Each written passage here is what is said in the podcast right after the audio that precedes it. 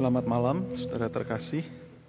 Mari kita membuka bagian firman Tuhan dari Yakobus pasal yang kedua. Ayat yang ke-14 sampai ayat yang ke-26. Yakobus pasal yang kedua ayat 14. Berbunyi demikian, Apakah gunanya saudara-saudaraku jika seorang mengatakan bahwa ia mempunyai iman padahal ia tidak mempunyai perbuatan? Dapatkah iman itu menyelamatkan dia? Jika seorang saudara atau saudari tidak mempunyai pakaian dan kekurangan makanan sehari-hari, dan seorang dari antara kamu berkata, selamat jalan, kenakanlah kain panas dan makanlah sampai kenyang, tetapi ia tidak memberikan kepadanya apa yang perlu bagi tubuhnya. Apakah gunanya itu? Demikian juga halnya dengan iman. Jika iman itu tidak disertai perbuatan, maka iman itu pada hakikatnya adalah mati. Tetapi mungkin ada orang berkata padamu ada iman dan padaku ada perbuatan. Aku menjawab dia, tunjukkanlah kepada imanmu itu tanpa perbuatan. Dan aku akan menunjukkan kepadamu imanku dari perbuatan-perbuatanku. Kau percaya bahwa hanya ada satu Allah saja, itu baik. Tetapi setan-setan pun juga percaya akan hal itu dan mem, dan mereka gemetar.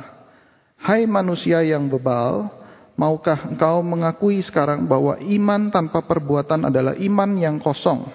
Bukankah Abraham bapak kita dibenarkan karena perbuatan-perbuatannya ketika ia mempersembahkan Ishak anaknya di atas mesbah? Kamu lihat bahwa iman bekerja sama dengan perbuatan perbuatan dan oleh perbuatan-perbuatan itu iman menjadi sempurna. Dengan jalan demikian, genaplah nas yang mengatakan lalu percayalah Abraham kepada Allah. Maka Allah memperhitungkan hal itu kepadanya sebagai kebenaran.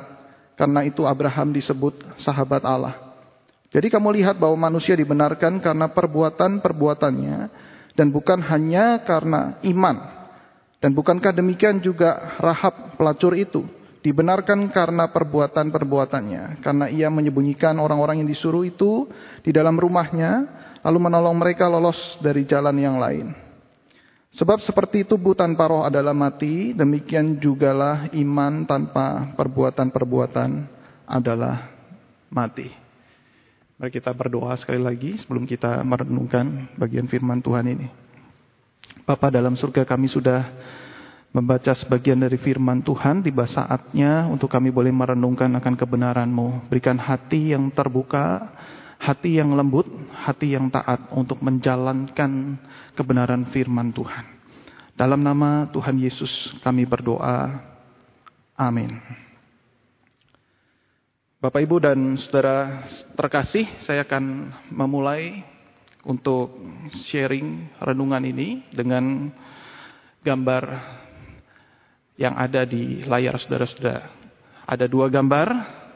Gambar yang pertama, saudara bisa tebak gambar apa?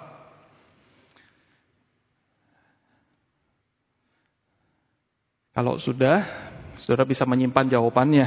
Ini gambar yang cukup familiar saya pikir. Lalu gambar yang kedua, gambar apa?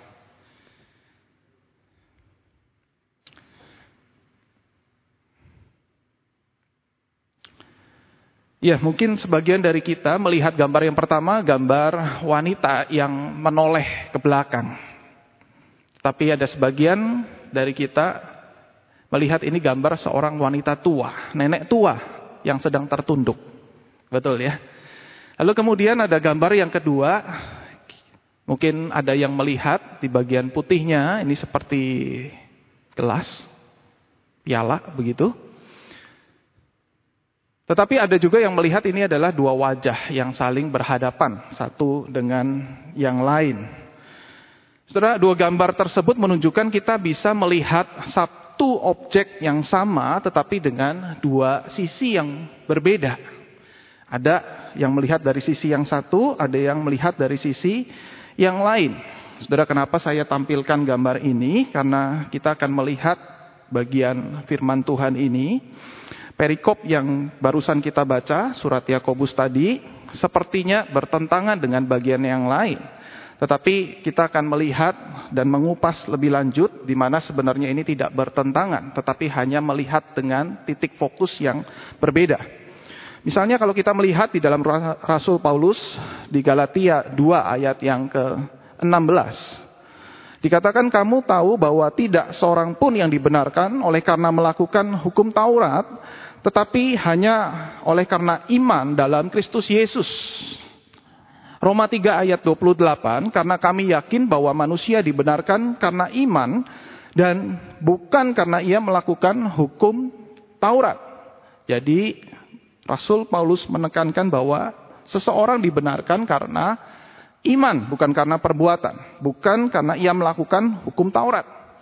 Tetapi kontras dengan apa yang Yakobus sampaikan. Saudara kalau kita perhatikan tadi, Yakobus di dalam pasal yang kedua ayat yang ke-14 dikatakan apakah gunanya saudara-saudaraku jika seorang mengatakan bahwa ia mempunyai iman padahal ia tidak mempunyai perbuatan? Dapatkah iman itu menyelamatkan dia Nah, dengan kacamata tadi, ketika kita melihat gambar tersebut, sebenarnya ini tidak saling bertentangan satu dengan yang lain.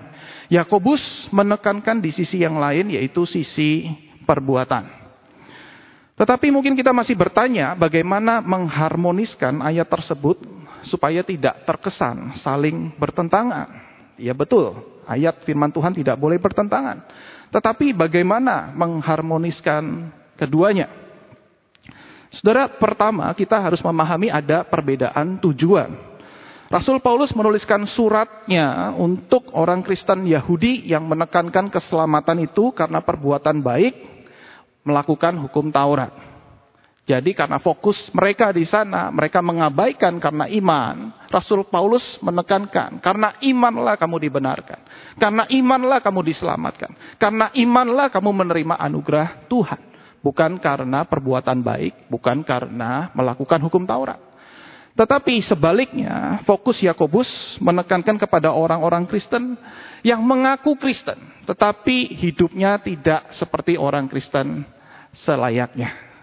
Mereka mengaku punya iman, mereka mengaku beriman, mereka mengaku bahwa mereka pengikut Kristus. Tetapi hidupnya, perbuatannya tidak mencerminkan sebagai pengikut Kristus yang sesungguhnya. Oleh karena itu Yakobus menekankan bahwa kalau kita mengaku Kristen, kita harus melahirkan perbuatan baik yang bisa dilihat dibuktikan melalui perbuatan-perbuatan yang ada. Kemudian yang kedua, saudara ada perbedaan arti pada istilah dibenarkan. Rasul Paulus mengartikan istilah dibenarkan itu orangnya yang dibenarkan. Orangnya dianggap benar oleh Allah. Jika engkau dibenarkan oleh Allah, ini artinya orangnya. Tetapi Yakobus maksudnya ketika ada kalimat atau kata dibenarkan adalah pengakuan orang tersebut benar secara fakta. Pengakuan tersebut itu tidak berdusta. Jadi kalau kita melihat misalnya ayat yang ke-22 maka dikatakan seperti ini. Kamu lihat bahwa iman bekerja sama dengan perbuatan-perbuatan dan oleh perbuatan-perbuatan itu iman menjadi sempurna terkesan ini sepertinya iman plus perbuatan, lalu kita diselamatkan dan dibenarkan oleh Tuhan. Kalau tidak, itu tidak sempurna. Terkesan, itu menjadi sebuah ajaran tersendiri. Padahal tidak demikian kalau kita melihat konteks yang dimaksudkan oleh Yakobus. Ada perbedaan arti pada istilah dibenarkan. Jadi artinya begini, kalau seorang itu beriman, itu dia ngaku beriman. Lalu kemudian Buktikan dengan perbuatan. Maka faktanya bahwa dia ngaku beriman itu sempurna. Faktanya ketika ada seseorang berkata bahwa saya pengikut Kristus, saya murid Kristus. Itu adalah fakta yang utuh. Fakta yang sempurna, fakta yang valid. Kemudian lebih jelasnya Yakobus memberikan ilustrasi seseorang yang katanya mengasihi sesama di ayat 15 dan ayat 16. Jadi kalau pakai pola yang tadi kita bisa melihat di sini katanya mengasihi. Dia seseorang yang penuh dengan kasih. ayat 15 ayat 16. Kemudian dia justru berkata di dalam perbuatannya, selamat jalan, kenakanlah kain panas, makanlah sampai kenyang. Ada orang yang dalam kesulitan tidak punya makanan, tidak punya pakaian, tetapi justru orang katanya Kristen tersebut yang penuh kasih mengatakan hal demikian. Berarti ini sama dengan bahwa pengakuan mengasihi itu tidak sempurna. Pengakuan bahwa ia adalah orang yang penuh kasih itu bohong. Tidak valid artinya seperti itu. Jadi secara fakta iman ditunjukkan dengan perbuatan. Nah, saudara, untuk lebih jelasnya, saudara, mungkin kita bisa mengambil contoh yang lain. Misal, saya sakit, kemudian saya minum obat, lalu sembuh. Lalu kemudian saya melayani. Saya sakit, saya minum obat, kemudian sembuh, dan kemudian saya melayani. Maka saya melayani karena saya sudah sembuh. Saya sudah sembuh, saya sudah minum obat, lalu saya bisa melayani. Bukan saya sembuh karena saya melayani. Saya sembuh karena saya sudah minum obat, kemudian saya sembuh, kemudian saya melayani. Iman, kemudian dapat anugerah Tuhan, kemudian muncul di dalam perbuatan. Nah saudara, oleh karena itu, Yakobus langsung masuk di dalam inti permasalahan, di mana ayat 17 dikatakan begini, demikian juga halnya dengan iman. Jika iman itu tidak disertai perbuatan, maka iman itu pada hakikatnya adalah mati.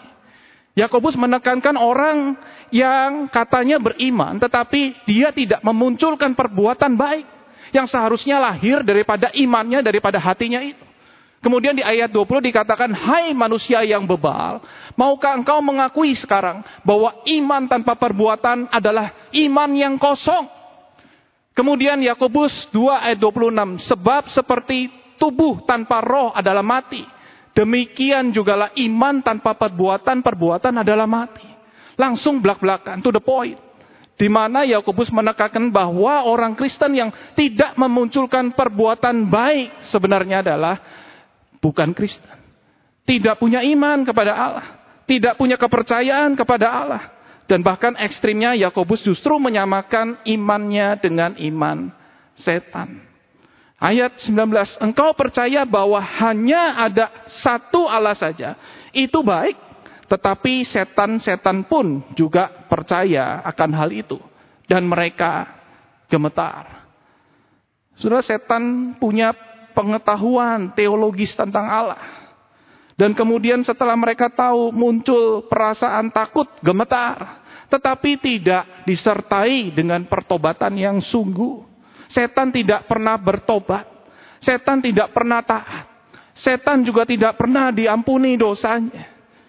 Jadi kalau kita hanya menekankan saya beriman, saya ngaku murid Tuhan, tetapi tidak memunculkan perbuatan baik itu. Apa bedanya dengan setan. Hari ini banyak orang ngaku Kristen tanpa disertai dengan pertobatan. KTP Kristen tanpa pertobatan, penampilan lahiriahnya Kristen, pakai kalung salib, setiap minggu datang gereja, aksesoris HP pun dengan salib juga, selalu berkata puji Tuhan, amin, haleluya. Ditanya artinya pun juga tidak bisa menjawab. Maksud kalimat-kalimat rohani itu apa? Tidak mengerti. Cara melayani, cara bekerja dengan cara dunia. Sudah ngeri sekali ada banyak orang-orang Kristen yang seperti ini. Katanya beriman, ngaku murid Tuhan. Tetapi sebenarnya dia bukan. Dan berita firman Tuhan itu sampai pada setiap kita dan setiap saudara-saudara sekalian untuk kita berintrospeksi diri. Betulkah kita adalah murid-murid Tuhan yang sungguh-sungguh katanya beriman kepada Tuhan. Pertanyaannya apakah kita munculkan di dalam perbuatan baik kita kepada sesama, perbuatan baik kita kepada Tuhan.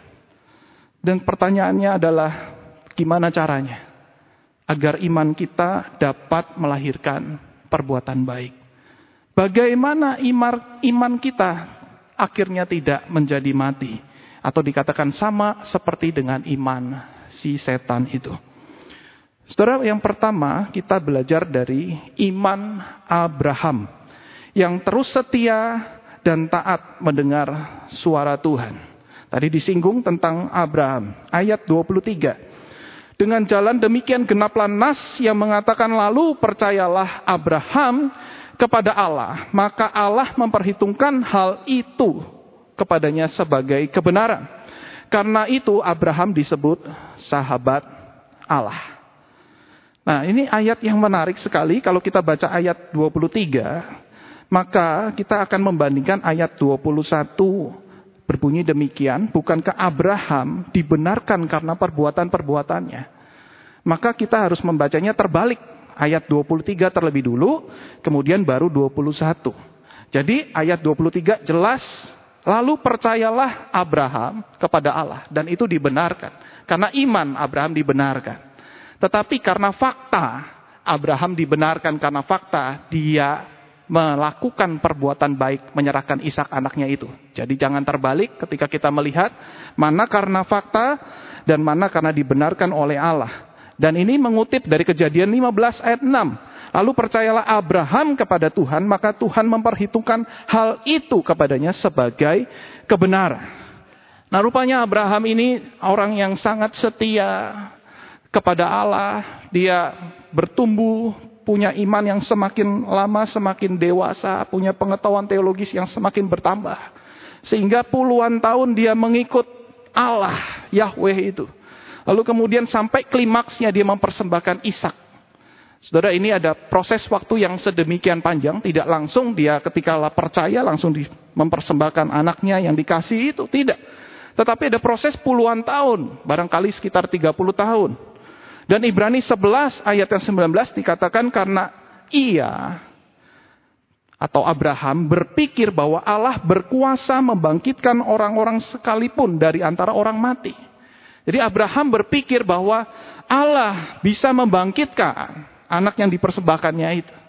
Nah ini luar biasa imannya. Imannya sangat luar biasa sekali ketika Abraham berpikir seperti ini. Dengan demikian kita bisa menyimpulkan iman Abraham yang semakin dewasa dan bertumbuh itu diakibatkan karena dia terus setia. Taat mendengar suara Tuhan. Di dalam segala tantangan, kesulitan, keadaan, Abraham terus mendengar suara Tuhan dan dia mengikut Tuhan dengan setia. Tetapi kita melihat ada contoh yang kedua, kita belajar dari iman Rahab. Iman Rahab yang sederhana namun otentik. Saudara menarik sekali kenapa Yakobus menambahkan Rahab. Bukankah iman daripada Abraham itu cukup? Iman yang sangat luar biasa, iman yang sangat hebat, iman yang sangat dahsyat. Tetapi mengapa perlu dikontraskan dengan Rahab? Nah, saudara, perbuatan baik yang dilakukan oleh Rahab itu sifatnya sangat spontan dan sangat sederhana. Rahab, kita tahu, dia pelacur, dia perempuan sundal, kafir pula. Ya sepertinya ia tidak dihargai. Tetapi ketika ia percaya kepada Allah, dia langsung nyatakan iman percayanya itu di dalam perbuatan. Saudara kalau lilin dinyalakan langsung terang, tidak nunggu hari esok bukan? Nah inilah Rahab. Ketika dia menyatakan iman percayanya, dia melakukan perbuatan baik meskipun sangat sederhana yang dia lakukan tetapi ternyata berdampak besar. Dipakai Tuhan dengan luar biasa kejadian itu. Sampai diingat sampai kita saat ini. Saudara, Rahab tidak belajar teologi. Rahab tidak punya pengetahuan teologi yang mendalam seperti Abraham. Tetapi Rahab justru di dalam kesederhanaannya dia mau dipakai dan untuk menyatakan perbuatan baik kepada sesamanya. Fokusnya hanya ingin melindungi dua pengintai itu supaya selamat. Dia sembunyikan. Dia hanya ingin menolong orang itu. Saudara, mungkin kita sedang berpikir bahwa saya ingin menolong sesama kita yang sedang membutuhkan. Belajar dari iman Rahab, lakukanlah segera mungkin. Lakukanlah secepat mungkin, jangan tunggu hari esok. Ketika kita menunggu hari esok, mungkin kesempatan itu akan lenyap. Ketika saudara sedang bergumul, ingin mendoakan sesama mau, lakukanlah sekarang. Ketika saudara bergumul ingin meminta maaf kepada orang yang pernah saudara sakiti, lakukan saat ini juga. Ketika saudara bergumul untuk mendonorkan darah barangkali, saudara lakukan hari ini juga, jangan menunda. Sehingga apa? Sehingga fokus kepada iman rahab yang sederhana namun otentik. Lakukan hari ini juga. Tidak perlu kita berpikir secara rumit dan mendalam, hanya lakukan dengan perbuatan yang sederhana ini, Tuhan bisa memakai perbuatan kita dan memaknai dengan sangat berharga. Yang ketiga, kita belajar dari iman Abraham dan Rahab. Keduanya punya persamaan, yaitu melakukan perbuatan baik yang beresiko mendatangkan penderitaan. Melakukan perbuatan baik yang beresiko mendatangkan penderitaan.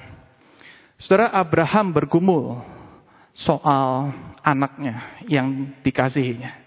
Dia bergumul nyawa anaknya menjadi taruhan yang ada di depan. Ketika dia melakukan perbuatan baik itu ada risiko yang sangat besar. Demikian juga dengan Rahab. Dia bergumul, dia menyelamatkan kedua pengintai itu. Dia salah, dia bisa nyawanya yang menjadi taruhannya. Perbuatan baik itu didasarkan resiko yang besar, dan kemungkinan ada penderitaan yang datang menghampiri mereka. Ini yang perlu kita teladani.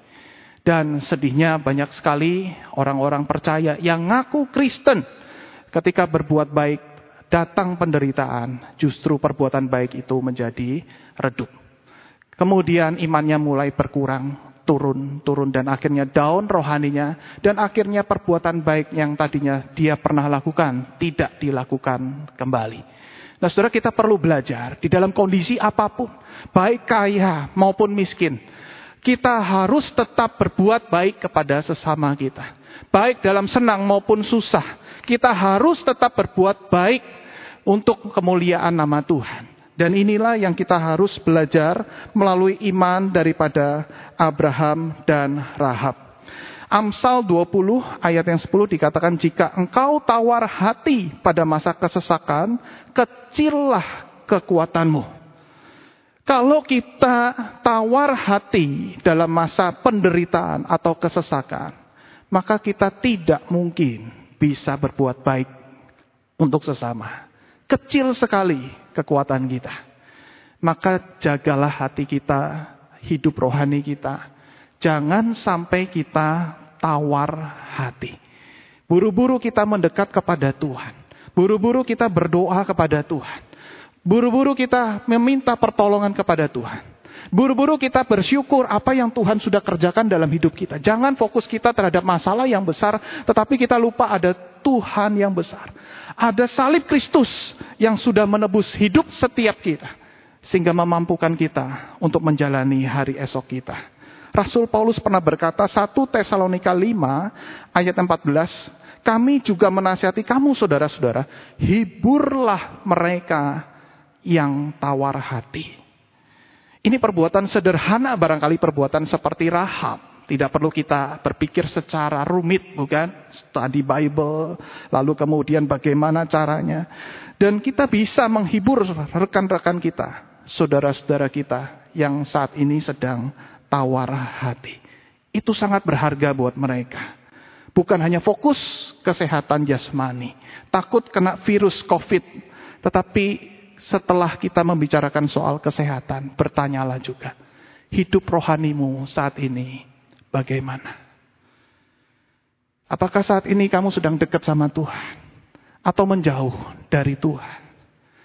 Apakah saat ini engkau sedang mendengar suara Tuhan atau jangan-jangan kau sudah tidak lagi mendengar suara Tuhan karena kau dihimpit oleh kesesakan. Ada penderitaan yang bertupi-tupi membuat kau mengeraskan hati. Mungkin saat ini rekan kita sedang bertanya kenapa peristiwa ini menimpa hidup dan keluarga kami. Katanya Tuhan baik, tapi kenapa saya mengalami peristiwa seperti ini?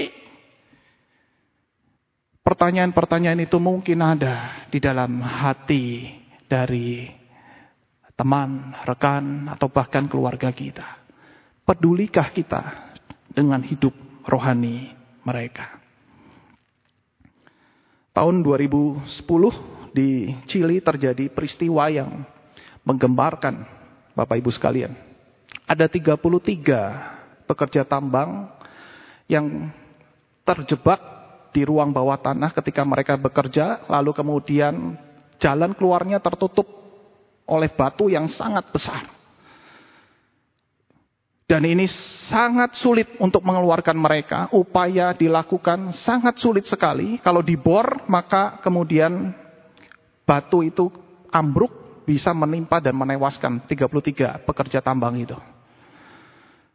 Di dalam ruang bawah tanah itu mereka meratapi hidup.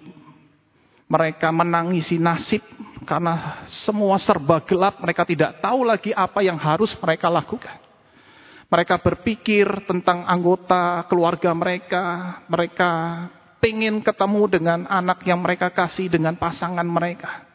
Dan mereka terjebak kira-kira sekitar 69 hari lamanya. Hanya 2% kemungkinan mereka untuk selamat keluar dari tempat itu. Jadi 98% kemungkinan mereka akan tewas di dalam ruangan bawah tanah itu. Tetapi di dalam ruangan yang gelap itu ternyata ada seseorang yang bernama Jose Enriquez. Dia anak Tuhan yang sungguh-sungguh punya iman yang justru meningkat bukan redup seperti teman-teman yang lain. Lalu Jose Enriquez ini dia mengajak teman-temannya untuk berdoa, menyembah Tuhan. Mengajak mereka untuk sungguh-sungguh datang kepada Tuhan berlutut, menaikkan doa dengan suara yang keras. Kira-kira doanya seperti ini, kami bukan orang yang baik, kami pendosa. Tuhan kasihanilah kami. Kami memerlukan engkau yang memegang kendali kami. Kami bukan orang baik, kami pendosa. Kami memerlukan engkau. Kami memerlukan Tuhan yang memegang kendali kami. Terus dia berdoa mengulang-ulang seperti itu. Tuhan kasihani kami. Saudara tanpa disangka ternyata rekan-rekan yang lain dia mengaku dosa di hadapan Tuhan. Ada yang memohon ampun dari dosa minuman keras. Tuhan ampuni saya sudah melakukan tindakan seperti ini. Meminum minuman keras seperti ini. Lalu ada rekan yang lain Tuhan ampuni dari dosa perselingkuhan. Lalu ada rekan yang lain, Tuhan ampuni dari dosa kekerasan terhadap istri dan anak saya. Lalu ada yang lain, ampuni dari dosa perjudian. Semua ngaku dosa, bertobat, minta ampun dan minta iman yang sungguh-sungguh di hadapan Tuhan. Ada banyak yang belum kenal Tuhan. Ada bahkan dari mereka yang dulu pernah kenal Tuhan, jauh dari Tuhan kemudian balik lagi. Dia mau kenal Tuhan. Dan saudara hari demi hari melakukan hal seperti ini. Dan kemudian si Jose Enriquez ini menceritakan akan cerita tentang Tuhan Yesus. Kepada teman-temannya itu. Dan teman-temannya menyambutnya dan kemudian menanti-nantikan suatu hari di mana mereka bisa keluar dan komitmen untuk mengubah hidup mereka. Mau hidup serupa dengan Kristus, menjadi murid Kristus. Dan kemudian si Jose ini terus mengulang firman Tuhan yang dia pernah dengar. Bukan sekolah teologi, bukan pendeta. Tapi dia hanya mengingat firman Tuhan yang dia pernah dengar. Setiap minggu ketika beribadah. Dia ulang, diceritakan kepada teman-temannya itu.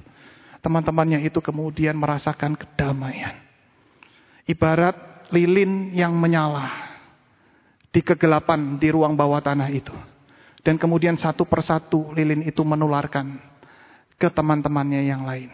Sehingga ruang yang gelap itu mulai terlihat jelas kalau kita melihat dengan mata rohani. Menyala, bersinar, bersinar. Mulai, mulai hidup satu dengan yang lain. Dan teman-temannya itu kemudian sungguh-sungguh bertobat.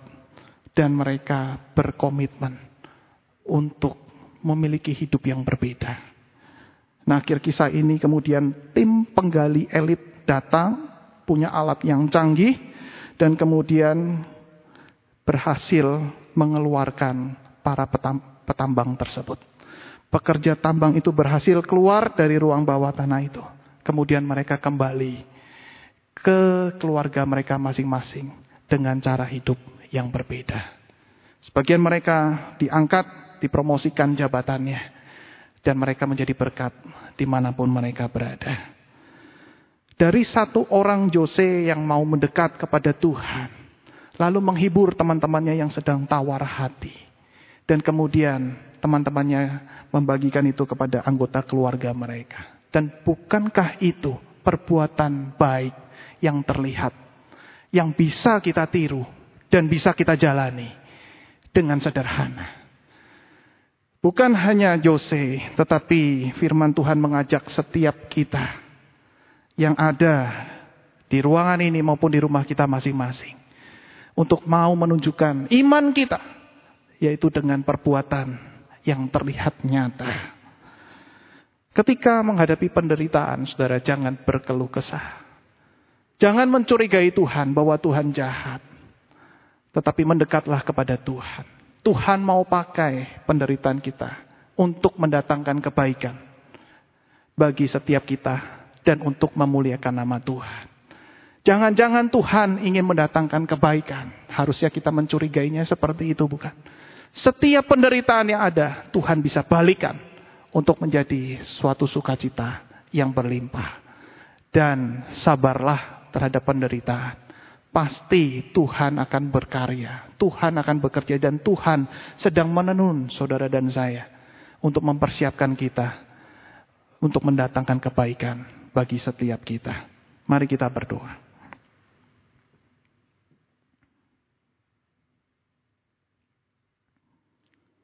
Saudara ambil waktu tenang sejenak di hadapan Tuhan.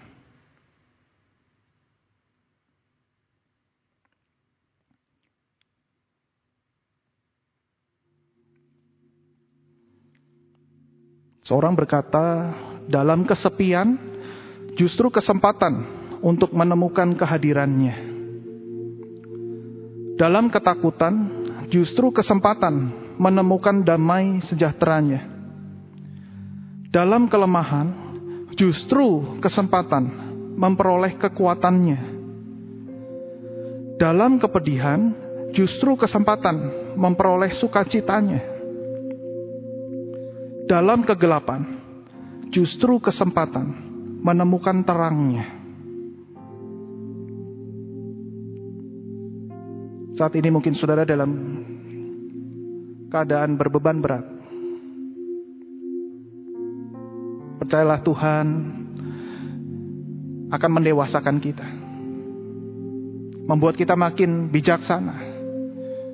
Mampu mengampuni, mampu melayani dalam kondisi apa pun. Dan makin mengenal dia yang terutama.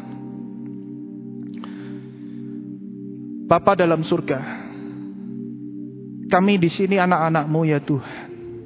Yang ngaku Kristen, bahkan mengaku murid Tuhan. Karena itu Tuhan mampukan kami untuk kami boleh membuktikan iman kami dengan perbuatan yang bisa dirasakan oleh sesama lingkungan di sekitar kami, anggota keluarga kami. Berikan ya Tuhan keberanian, berikan bijaksana dari Tuhan, sehingga kami boleh melakukannya seturut dengan waktu Tuhan dan kehendak Tuhan. Inilah doa kami Tuhan. Dalam nama Tuhan Yesus, kami berdoa. Amin.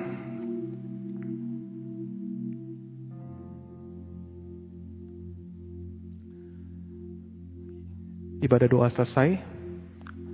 Saat teduh dan Tuhan memberkati setiap saudara. Selamat malam.